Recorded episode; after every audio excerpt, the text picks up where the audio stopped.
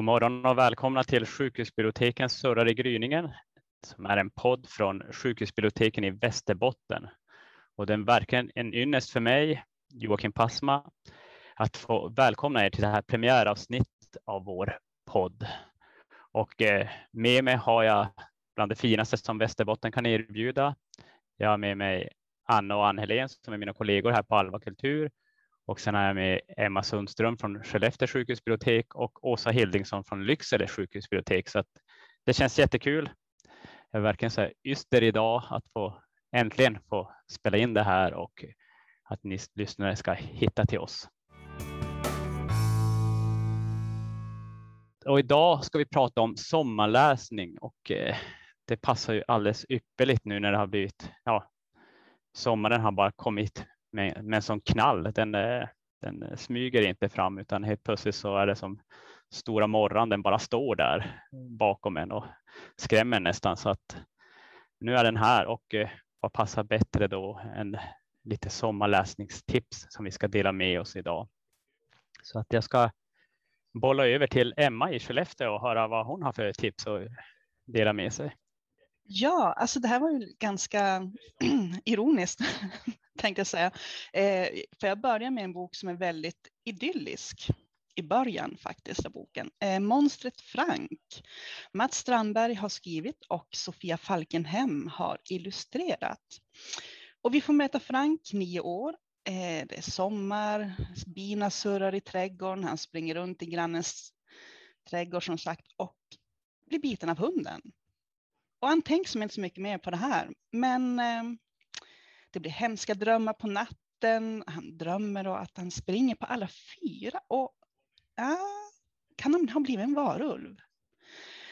Det här är en berättelse som är fylld med monster, men kanske inte på det sätt som många tänker när man har monster. Alltså visst, det finns ehm, älvor och varulvar och spöken och ehm, ett barn som kryper upp ur en brunn. Men ehm, vem är egentligen det värsta monstret? Och vad gör rädsla med oss människor när vi samlas i en grupp och inte riktigt tänker på konsekvenserna? Det är en underbar ungdomsbok och barnbok och eh, mycket passande för högläsning. Så det här kan bli sommarens hit, absolut. Mm. Ja, det kan jag bara hålla med om. Den är, ja, Mats Strandberg, då vet man att det, det, det är bra grejer då. Och eh, även illustrationen där är jättefina tycker jag, mm, som Sofia Falkenhem har gjort. Och, och jag vet att de här böckerna har verkligen hittat ut också till många barn, alltså att det är många som, som har lånat och läst de här. Så att det, eh, det är jättebra tips. Så den finns nu i samlingsvolym, Monstret Frank, så man får alla tre delar i en och det är ju mm. super. Ja, det är jättebra. Det, för det är fyra delar, va? visst är det så från början, tror jag. Och så nu är det eller är det tre delar? Jag tror det är tre faktiskt. Tre delar, så är det. Ja, ja det stämmer. Ja, tack så mycket Emma. Vi ska gå ja. vidare till eh, Anna och höra vad du har för tips. Ja, jag har eh, läst Morgonstjärnan av Karl Ove Knausgård och det är ett av mina tips för den här sommarens läsning. Det är en tjock roman som du längtar efter att läsa och verkligen kan ge tid till att försjunka i. Vi får följa nio olika personer ett par otroligt varma dagar sent i augusti då en stor ny stjärna syns på himlen. Det är bland annat Arne och hans familj som befinner sig i sommarstugan. Vi får följa en stuggranne, Egil. Prästen Katrin som är på väg hem efter ett seminarium och plötsligt på flygplanet så inser hon att hon inte vill hem. Solveig är sjuksköterska och bor med en sjuk mamma och en vuxen dotter. En dotter som plötsligt kommer hem en dag utan att berätta varför. Och för alla nio karaktärerna som man får följa så händer det märkliga saker de här dagarna. Djur och natur beter sig inte som vanligt. Så vad är det här för stjärna? Och det här är den första boken som jag har läst av Knausgård och jag kommer absolut att läsa mer av honom. Jag tycker om hans blick på människan, hans sätt att beskriva det här vardagliga livet och, och hur vi brister och sviker trots att vi alla vill väl. Men han tar också upp de stora frågorna alltså om tid, om gränsen mellan liv och död, om tro och religion och meningen med livet. Och samtidigt som han gör det så är det här en spännande skröna. Och det här är, ja, den, boken slutar som mitt i alltihop och det är flera av karaktärerna som jag vill läsa mer om. Så det känns väldigt bra att det här är första delen i en trilogi. För jag är så nyfiken. Alltså, vart är han på väg med den här berättelsen? Så det är ett av mina tips sommar. Mm. Tack. Tack Anna, det var jättebra tips där också. Knausgård är ju fantastisk verkligen och, och få, få röra sig i hans universum är, ju är så härligt. Och jag har inte läst Morgonstjärnan själv då, men eh, Årstidsböckerna och så Min kamp och den här är också en som jag verkligen ska ta itu med sen så småningom. Mm. Och Tid för allt är också en sån där som jag är nyfiken på faktiskt, som han har skrivit. Mm. Mm. Ja, Ann-Helin, vad har du för tips du vill dela med dig av? Eh, ja, eh, jag har läst Sugar Bane av debutanten Douglas Stewart. Och jag blev intresserad av denna roman när den vann Bookerpriset. Före det så hade boken blivit refuserad av en mängd olika förlag. Det var ingen som ville, det var ingen som trodde på den här boken. Men den blev antagen. Och det här är också en bok med verklighetsförankring. Så man kan ju inte bli annat än nyfiken. Shuggi, det är bokens huvudperson som i början av romanen bor samman med två äldre syskon och sin mamma i 80-talets Glasgow. Vi befinner oss under Thatchers styre och det är en obarmhärtig period vad gäller arbetsklassen och deras livsvillkor. Shoggi, han växer upp i ett nedlagt gruvsamhälle och här är det hög arbetslöshet. Och när Shuggis mamma Agnes blir lämnad av sin man, då släpper hon alla sina drömmar, för hon har verkligen haft drömmar. Och hon tröstar sig med alkohol. Alla mammor i det här samhället dricker öl och vodka. Det är normalitet och det här utgör inget som helst utanförskap. Det som utgör ett utanförskap för Shuggi, det är att han framstår som flickaktig. Alltså han rör sig fel och han pratar fel. Och Shuggy han försöker på alla sätt han kan bemästra det här utanförskapet. Men mest av allt så vill han rädda sin mamma som han älskar mer än allt annat.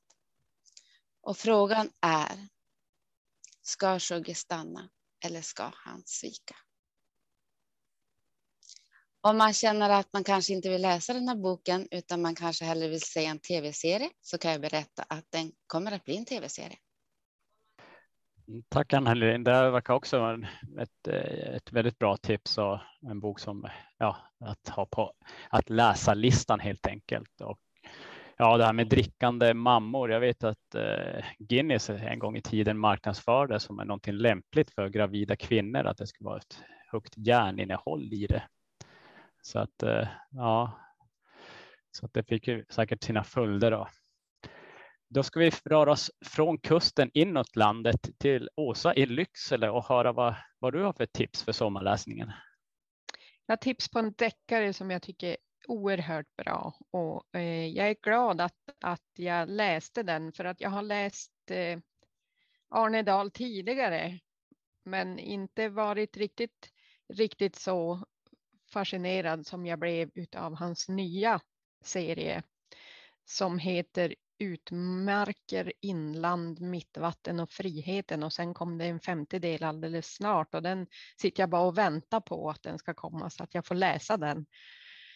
Eh, Utmarker eh, fick omdömet av Sydsvenskan som den bästa svenska krim, kriminalromanen någonsin och eh, den är bra. Den är jätte, jättebra. Och det är den första boken då om, som sagt var, om detektiverna Sandberger och Molly Blom.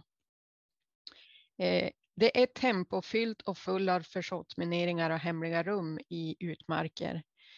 Eh, inland, mittvatten och friheten, de fortsätter ju historien om de här två eh, och det är lika hisnande tempo i dem och man vill inte sluta läsa de här böckerna. Man vill bara, jag har inte tid att laga mat, jag måste få läsa. Jag har inte tid att gå på toaletten.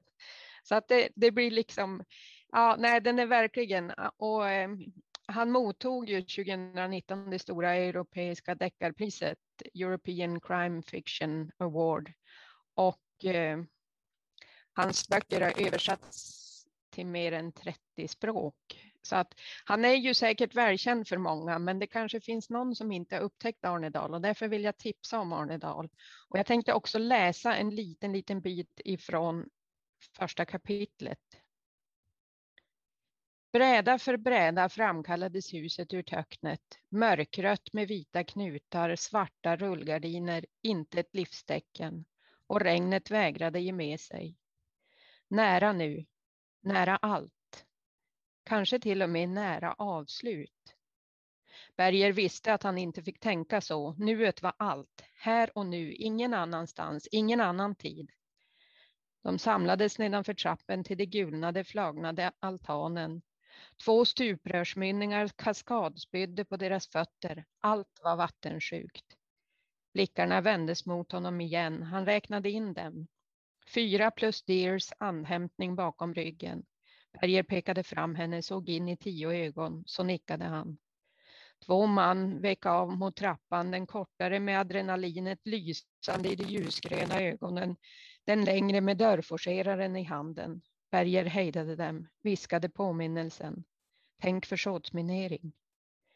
Regnet var plötsligt deras förtrogna. Smattret mot takpannorna överröstade stegen upp för trappen. Dörrforceraren höjdes, flera vapen osäkrades i takt. Först när dörren slogs in trängde ett annat ljud igenom regnsmattret. En dov smäll av knäckt trä. Ett stort mörker som öppnade sig. Och så här fortsätter hela boken så att det liksom, åh, man vill bara vara med. Tack Åsa, det är verkligen härligt med lite spänning i sommartillvaron där. Så att eh, Arne Dahl, det är någonting för oss att lägga på minne, vi som inte har läst honom. Eh, jag tänkte också tipsa om en bok där vi rör oss till den lusofona världen och eh, om ni undrar vad den lusofona världen är, är så är det den portugistal, eh, portugisisktalande delen av världen, det vill säga Portugal och dess forna kolonier då. Och eh, det jag har läst, där solen aldrig går ned, hur världens sorgsnaste land gjorde världen syndigare av Henrik Brandao Jönsson. Och då i sju kapitel så skildrar Brandao Jönsson den osannolika berättelsen om hur ett av Europas fattigaste länder en gång i tiden var världens mäktigaste nation. Och genom upptäcktsresorna spred Portugal sin kultur och sitt språk över världen. Idag är portugisiskan världens sjätte största språk. Det är fler som har portugisiska som modersmål än exempelvis franska, tyska och italienska. Och den lusofona världen sträcker sig över hela jordklotet. Därav titeln då. I den lusofona världen går solen aldrig ned. Men ändå hör vi så sällan om den här delen av världen. Hur kommer det sig? Det finns en eh, stereotyp och fördomsfull bild av portugisen som nedstämd, sluten och eftersatt i jämförelse med den iberiska grannen spanjoren då, som ofta framställs som festglad och fräser räkor och hinkar sangria hela dagarna. Och det underliga är att i Afrika så är bilden tvärtom. Där är de portugisiska, ja, före detta portugisiska kolonier, de anses som kontinentens sexigaste länder med den bästa maten och den bästa musiken. Och även i Kina ses portugisen som den stora, som den stora livsnjutaren. Miljontals kineser reser varje år till halvön Macao för att roa sig i världens största spelhåla som omsätter betydligt mer än vad Las Vegas gör. Och det är inte heller någon slump att Goa blev Indiens mest omtyckta delstat bland europeiska turister. Det var länge också dit alla hippies sökte sig. Sen kom rave-turisterna och så vidare. Och portugisen ligger ju också bakom Brasilien, världens förmodligen mest levnadsglada land. Och eh, ja, i de forna portugisiska kolonierna så frodas sex, sprit och spel och de fungerar också lite grann som ventiler för, för sina grannländer. Och de lusofona lasterna enligt Brandao Jönsson så påtagliga att han delar in den lusofona världen efter de sju dödssynderna. I Goa hade droger och frosseri fått fäste. I Macao hade pengar och girighet tagit över. På den paradisiska ön Timor-Leste frodades högmodet och i sexiga Mosambik levde vällusten. I det temperamentsfulla Angola växte vreden och i det livsnjutande Brasilien bredde lättjan ut sig. Allt medan moder Portugal kände avund inför allt det som skapats utomlands, men som Portugal inte fått till på hemmaplan. Och Brandao Jönsson strävar inte efter att gräva sig ner i historien utan använder den för att berätta vad som utmärker de lusofona länderna idag. Och boken är en, en utmärkt dörröppnare till en, till en bredare värld utanför den anglosaxiska. Vi är ju oftast väldigt fokuserade på vad som händer i USA och Storbritannien men, men glömmer att det finns en väldigt stor värld utanför. Så att det, det är verkligen en, en resa att göra i sommar att eh, ge sig ut i den lusofona världen med Henrik Brandao Jönsson som ciceron. Så och jag tänkte vi ska gå vidare till Emma i Skellefteå igen och höra vad du har för andra tips här. Ja, nummer två ja, på min lista eh, är ett seriealbum faktiskt. Eat and Love Yourself av Sweeney Boo. Och hon har skrivit och illustrerat det här albumet.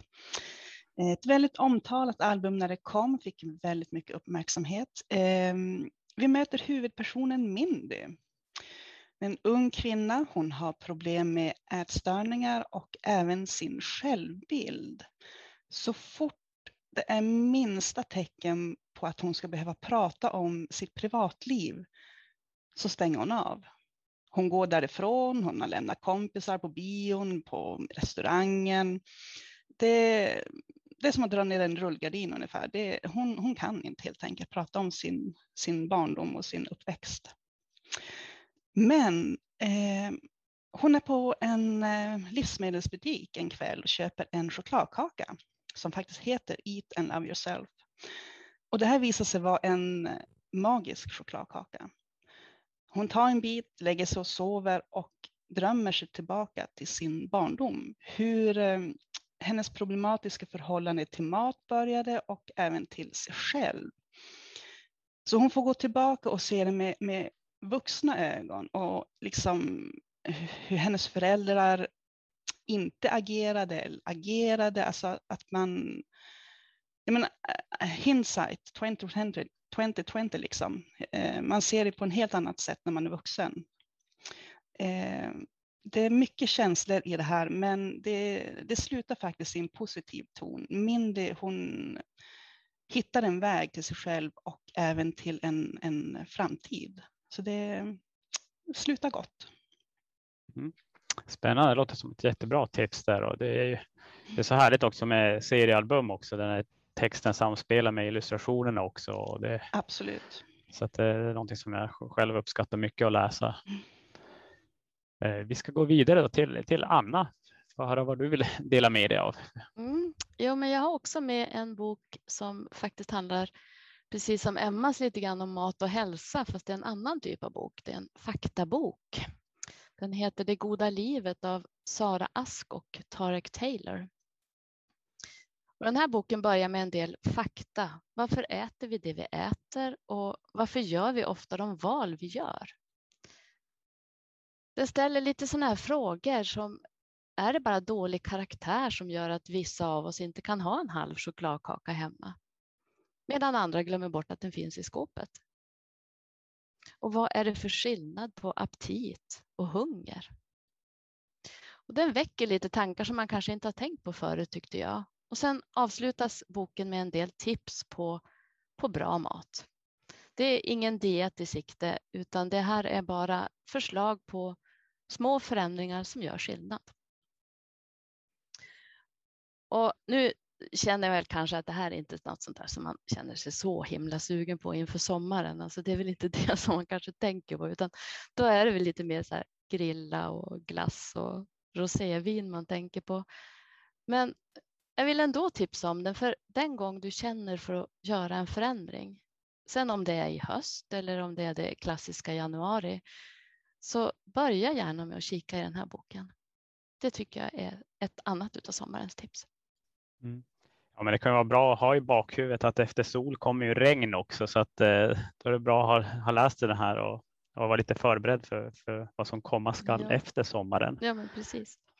Och eh, jag älskar ju själv mat och kokböcker och har ju såklart eh, kikat i den här och jag tycker också om den just att den är som fri från, från pekpinnar Mm. utan det, precis. det är massa så här allmännyttiga tips som, som delas med idag. Och ja, hur Tarek Taylor hinner med allt, det undrar jag. Han är med i så, så, många program och kommer kokbok, eh, kokböcker nästan stup i kvarten. Men, nej, men det, det är bra, Mm. bra böcker. Och jag ska se, Ann-Helén, hade du ett, ett andra tips också som du vill dela med dig av? Ja, det gör jag gärna. Eh, jag har läst Tritonus av Kjell Westö.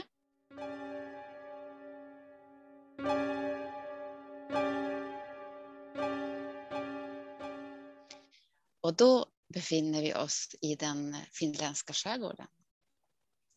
I denna skärgård så bygger stjärndirigenter Thomas Brander ett hus. Och det är närmast ett palats i jämförelse med öns tidigare bebyggelse. Romanens namn, Tritonus, det är namnet på Branders hus. Men det är även ett musikaliskt intervall som kallas djävulsintervallet. Ett intervall som ofta används i skräckfilmer. Granne med Brander bor skolkurator Reidar Lindell. Det framstår till att börja med som ganska olika, förutom att de har ett gemensamt musikintresse, då Reidar spelar med i ett coverband. Efterhand så förstår man att det finns något mer gemensamt. Bägge bär de på en känsla av ensamhet, farhågor och sorger. Och här uppstår en oväntad vänskap. Trots att det händer ganska mycket i den här boken så är den eftertänksam. Det är lätt att vaggas in i en känsla av vemod, en sorgsenhet full av längtan. Jag tyckte verkligen om att befinna mig i denna skärgård. Ja, det kan jag också bara hålla med. Jag läste den här i, i vintras och den är ju jättefin och eh, jag tycker också om eh, hela den stilen att den växlar perspektiv från varannat kapitel och från, från Reidar och så Thomas så att säga att de får att vi får ta del av historien ur deras perspektiv. Och eh, ja, och just det med finska stjärndirigenter är ju också att det är sånt ikoniskt finskt yrke på något sätt. Det är ju jättefascinerande. Och det var ju bara nu aktuellt att eh, ja, Konserthuset i Stockholm, deras finska dirigent av, eh, ska sluta, Sakari Oramo. Så att ja, de är bra på att exportera dirigenter helt enkelt i Finland. Ja, det är lite kul det där med när de intervjuade Kjell Wester så sa han ju också att det här varit 20 år sedan. Det hade han förmodligen skriv, skrivit om en skidåkare. Men det är inte läge för Ja. det idag, så nu är jag en dirigent. Ja, Så det enda är som jag är kul. lite besviken är just att han har, han hittat på hela den här skärgårdskommunen Ravais. Det hade annars hade det varit ett väldigt bra restips i sommar för att eh, som läsare får vi verkligen följa med på de här vägarna och färjorna och så vidare. Så att eh, nej, men den är en eh, jättebra bok. Så vi ska se. Vad har Åsa? Vad har du på lager? Nu har jag en riktig som, sommarroman faktiskt, som jag kan känna. Eh, det är Ljusnan du mörka och det är en debutroman av Lars Landgren.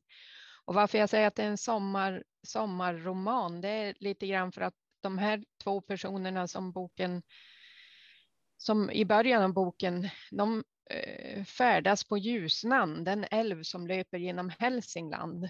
Och medan deras eka sakta rör sig genom landskapet så berättar den äldre för den yngre. Och det är gubben Kallmyr som berättar fantasifulla och spännande historier om iråk och avfolkning, småfolk och skogstroll, bergsmän och torparspöken och skuggspel och gengångare. Och varje historia, varje kapitel i boken är en egen historia och han, han eh, han fångar en verkligen med de här historierna, gubben, gubben Kalmyr, fast egentligen då Lars Landgren. Eh, man, man vill liksom vila lite grann i varje historia. Eh, så att jag, jag rekommenderar starkt den här och jag tänkte bara läsa lite det som Lars Landgren har skrivit på, på baksidan.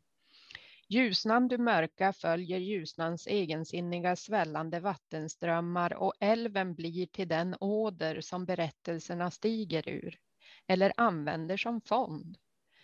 Här formas en historia som är mörk och skrämmande med rötterna i folktro och sagor, i skräcken för tillvarons skumma hörn, men som också knyter an till vardagen och vår moderna verklighet.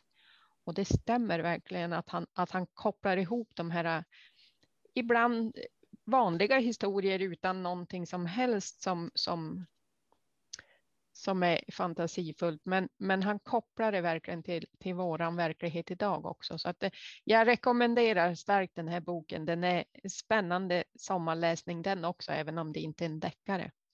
Mm. Tack så mycket Åsa. Ja, det har blivit mycket där med, med sägner och så vidare. Det är ju lite i, i ropet nu också. Vi hade filmen Gräns som kom för ett tag sedan. Nu läste jag bara häromdagen att det hålls på att göra en, en filmatisering med, med Näcken då. Eh, bland annat så att, så att det finns ett, ett, ett, ett, ett intresse för det. För våra gamla sägner och myter. Och jag ska ta också och avrunda då den här sommar, tips eller sommarläsningstipsen med, med, ett, med ett andra tips som jag har då och det är Längta hem, längta bort av Christoffer Leandor. Och eh, det är en hisnande, allmänbildande och underhållande resa in i litteraturhistorien. Den eh, rör sig mellan högt och lågt, smalt och brett, verklighetsflykt och realism. Där förekommer Oscar Wilde, Kipling, Ovidius, Lana Del Rey, Tolkien, eller ja, ungefär 500 till också som förekommer i person, bokens personregister. Och de är alla flyktingar som söker sig inåt och hemåt eller fångar som vill utåt och bort med litteraturen då som sitt redskap. Och den här mängden verk då som ryms under Leandors tematiska paraply är enorm. Det är popstjärnor, det är filmstjärnor, det är tv-serier och de minglar alla muntert med barnboksförfattare, fantasyförfattare, samt även de högbrytande av författare som Homerus och Vergilius. Och trots att det är så många namn och verk som nämns så ifrågasätter jag som läsare inte en gång vad Mallarmé eller Ursula Le Guin eller Shakespeare och Game of Thrones, vad de alla egentligen har med varandra att göra, utan det, det faller sig självklart när man läser boken. Och det är ju så som eh, Leandor skriver att med en bok i handen så visar man att man längtar bort. Hamlets bok, det är ett handgripligt uttryck för hans missnöje med sin situation. Och eh, det här är ju verkligen en, en sommaren är ju en tid för, för längtan också, så att då passar det väldigt bra med, med läsning då. Och, och här har ju också Leandor, han har ett, i ett kapitel så lyfter han fram då hur, hur svenska folket kan rösta fram Vilhelm Mobergs Utvandrarna till förra årtusendets främsta roman. Och samtidigt undgå att se att det var Karl-Oskar och Kristina som klev i land hos oss under flyktingkrisen. Så att eh, det här är en bok där jag inte rekommenderar sträckläsning, utan eh, det är bättre att läsa ett kapitel lite här och där, dra ut på det nöjet som det är för det är verkligen ett, ett, ett sant nöje att bli påmind om litteraturens outsinliga tjuskraft. Och eh, en bok är ju en dörr till främmande världar, men den är också dörren hem. Så att eh, det är en, eh, en bok som jag verkligen vill att ni ska eh, kolla upp. Ja, det var ju väldigt många. Ursäkta, var det någon? Ja, det var många bra tips eh, som vi har fått här och eh, ja, jag själv skulle helst bara nu vilja ta en filt och ge mig ut här i, i, i sjukhusparken i Umeå och, och, och sätta igång och, och läsa från allt det ni har delat med er av. Men det finns ju också böcker som vi inte har läst och som eh, kanske ligger och gnager så där att ja, men den där, den ska jag också ge mig i kast med någon gång när jag bara får den där lilla extra tiden eller den har kanske stått i våran bokhylla eller ni har spanat in den i bokhandeln eller biblioteket. Och där är jag lite nyfiken vad ni, om ni har någon sån där oläst bok som ni tänker att den där, den ska jag ta tag i någon gång. Ska vi se vad, vad har Ann-Helén, har du någon sån? Ja, dessvärre har man väl ganska många i bokhyllan. Men någon som har följt med mig ett längre tag, det är ju juloratoriet av Göran Tunström. Jag har tänkt läsa den hur många gånger som helst. Och så har man istället läst någonting annat. Men ja, nu är det lite. Jag har inte läst någonting av Göran Tunström, så jag är nyfiken på honom också som författare. Det här är verkligen en lucka i min bibliotekariekompetens. Men nu har det ju så illa att en, en kär vän till oss här på sjukhusbiblioteket har um, gått bort. Hans favoritbok var Ökenbrevet av Tunström. Så nu är det nog den som jag ska läsa i sommar. Ja, Tunström är också någonting som jag har också oläst så att eh, det ska jag också någon gång här ta ge mig i kast med och det var ju här eh, nyligen en artikel eller eh, om Birgitta Holm att hon tycker att han har blivit ja, oförtjänt bortglömd helt enkelt. Så att det var, eh, nej, Tunström har det är någonting för mig också. Vi ska se, Emma, har du något sånt där som ligger oläst? Du, jag har tegelstenarnas tegelsten faktiskt. Um, jag har inte läst The Fairy Cross av Diana Gabaldon. Det är nummer fem i hennes serie och de blir ju bara tjockare och tjockare. Alltså, alltså jag, jag, jag ville ju verkligen läsa den när jag köpte den, men, men ehm, den har blivit stående. Eh, och, och, även fortsättningen då, för man kan ju som inte hoppa över en del och börja med någon annan. Så jo, ja, ja, alltså jag vill ju läsa den, helt klart, men, men, men den, den tittar snett på mig i bokhyllan. Ja. Ja, ja, så småningom så kommer du att ja, ta tag i det. Ja, ja. Och Anna, vad har du för något oläst? Ja, men jag är lite grann så där som Åsas tips där, att ledighet för mig, det är ganska mycket deckarläsning. Alltså både på sommaren och julen och påsken och så där när jag har lite tid så där så tycker jag att det är mysigt med deckarläsning. Och jag har till exempel eh, Mannen från Albanien av Magnus Montelius oläst i min bokhylla. Eh, jag läste och gillade hans åtta må månader för ett par år sedan och det är lite speciellt. Han har bara gett ut två böcker och med åtta års mellanrum. Så den här mannen från Albanien, det är hans debutdeckare som då kom åtta år tidigare än åtta månader. Så att den är jag sugen på att ge mig i kast med. Så det är väl en av de där som jag tänker mm. läsa i sommar. Härligt, härligt. Ja, och Åsa, har du någonting som du? Ja, absolut. Jag har ju läst Binas historia av Maja Lunde och nu har ju hennes fortsättning kommit med Privalskis häst. Så den står och tittar på mig och väntar och väntar och väntar på. Den står bara och stampar ja, som hästen. Ja, hästen är skriven där som väntar. Ja, Precis, att eh, Privalskis häst ska jag, ska jag ja. försöka ta mig an. Ja, härligt. Ja, jag själv har ju en som har säkert följt mig i ja, 20 års tid så där. Det är ju Huset Badenbrooks av eh, Thomas Mann som jag tänkte att den där måste jag bara läsa någon gång. Och, ja, att jag har ju varit i, i Lübeck där det utspelar sig och jag tycker väldigt mycket om den staden. Väldigt ja, men, tjusig liten småstad och den är så mycket mer än marsipan som man säger i Kalmar, utan eh, det är verkligen ett, en stad värd att besöka. Så att eh, jag tänkte att jag måste läsa innan jag åker till Lübeck nästa gång så ska jag läsa den. Läs Badenbrooks och sen ska jag gå till, till huset Badenbrooks där och kika som ett museum idag. Så att ja, det var ju väldigt mycket bra tips här som vi har fått med oss och eh, ja, var det jättekul att, att spela in det här. Och jag hoppas att du som lyssnare kommer att uppskatta det och får gärna höra av dig till oss. Antingen till sjukhusbiblioteket i Lycksele eller Skellefteå eller här i Umeå. Och vi finns ju också på, på Instagram och Facebook, så där hittar ni oss. Så att kom gärna med, med återkoppling om vad ni tyckte. Ja, jag har inte så mycket mer än att bara önska alla en, en glad sommar, en riktigt härlig lässommar. Får jag önska er.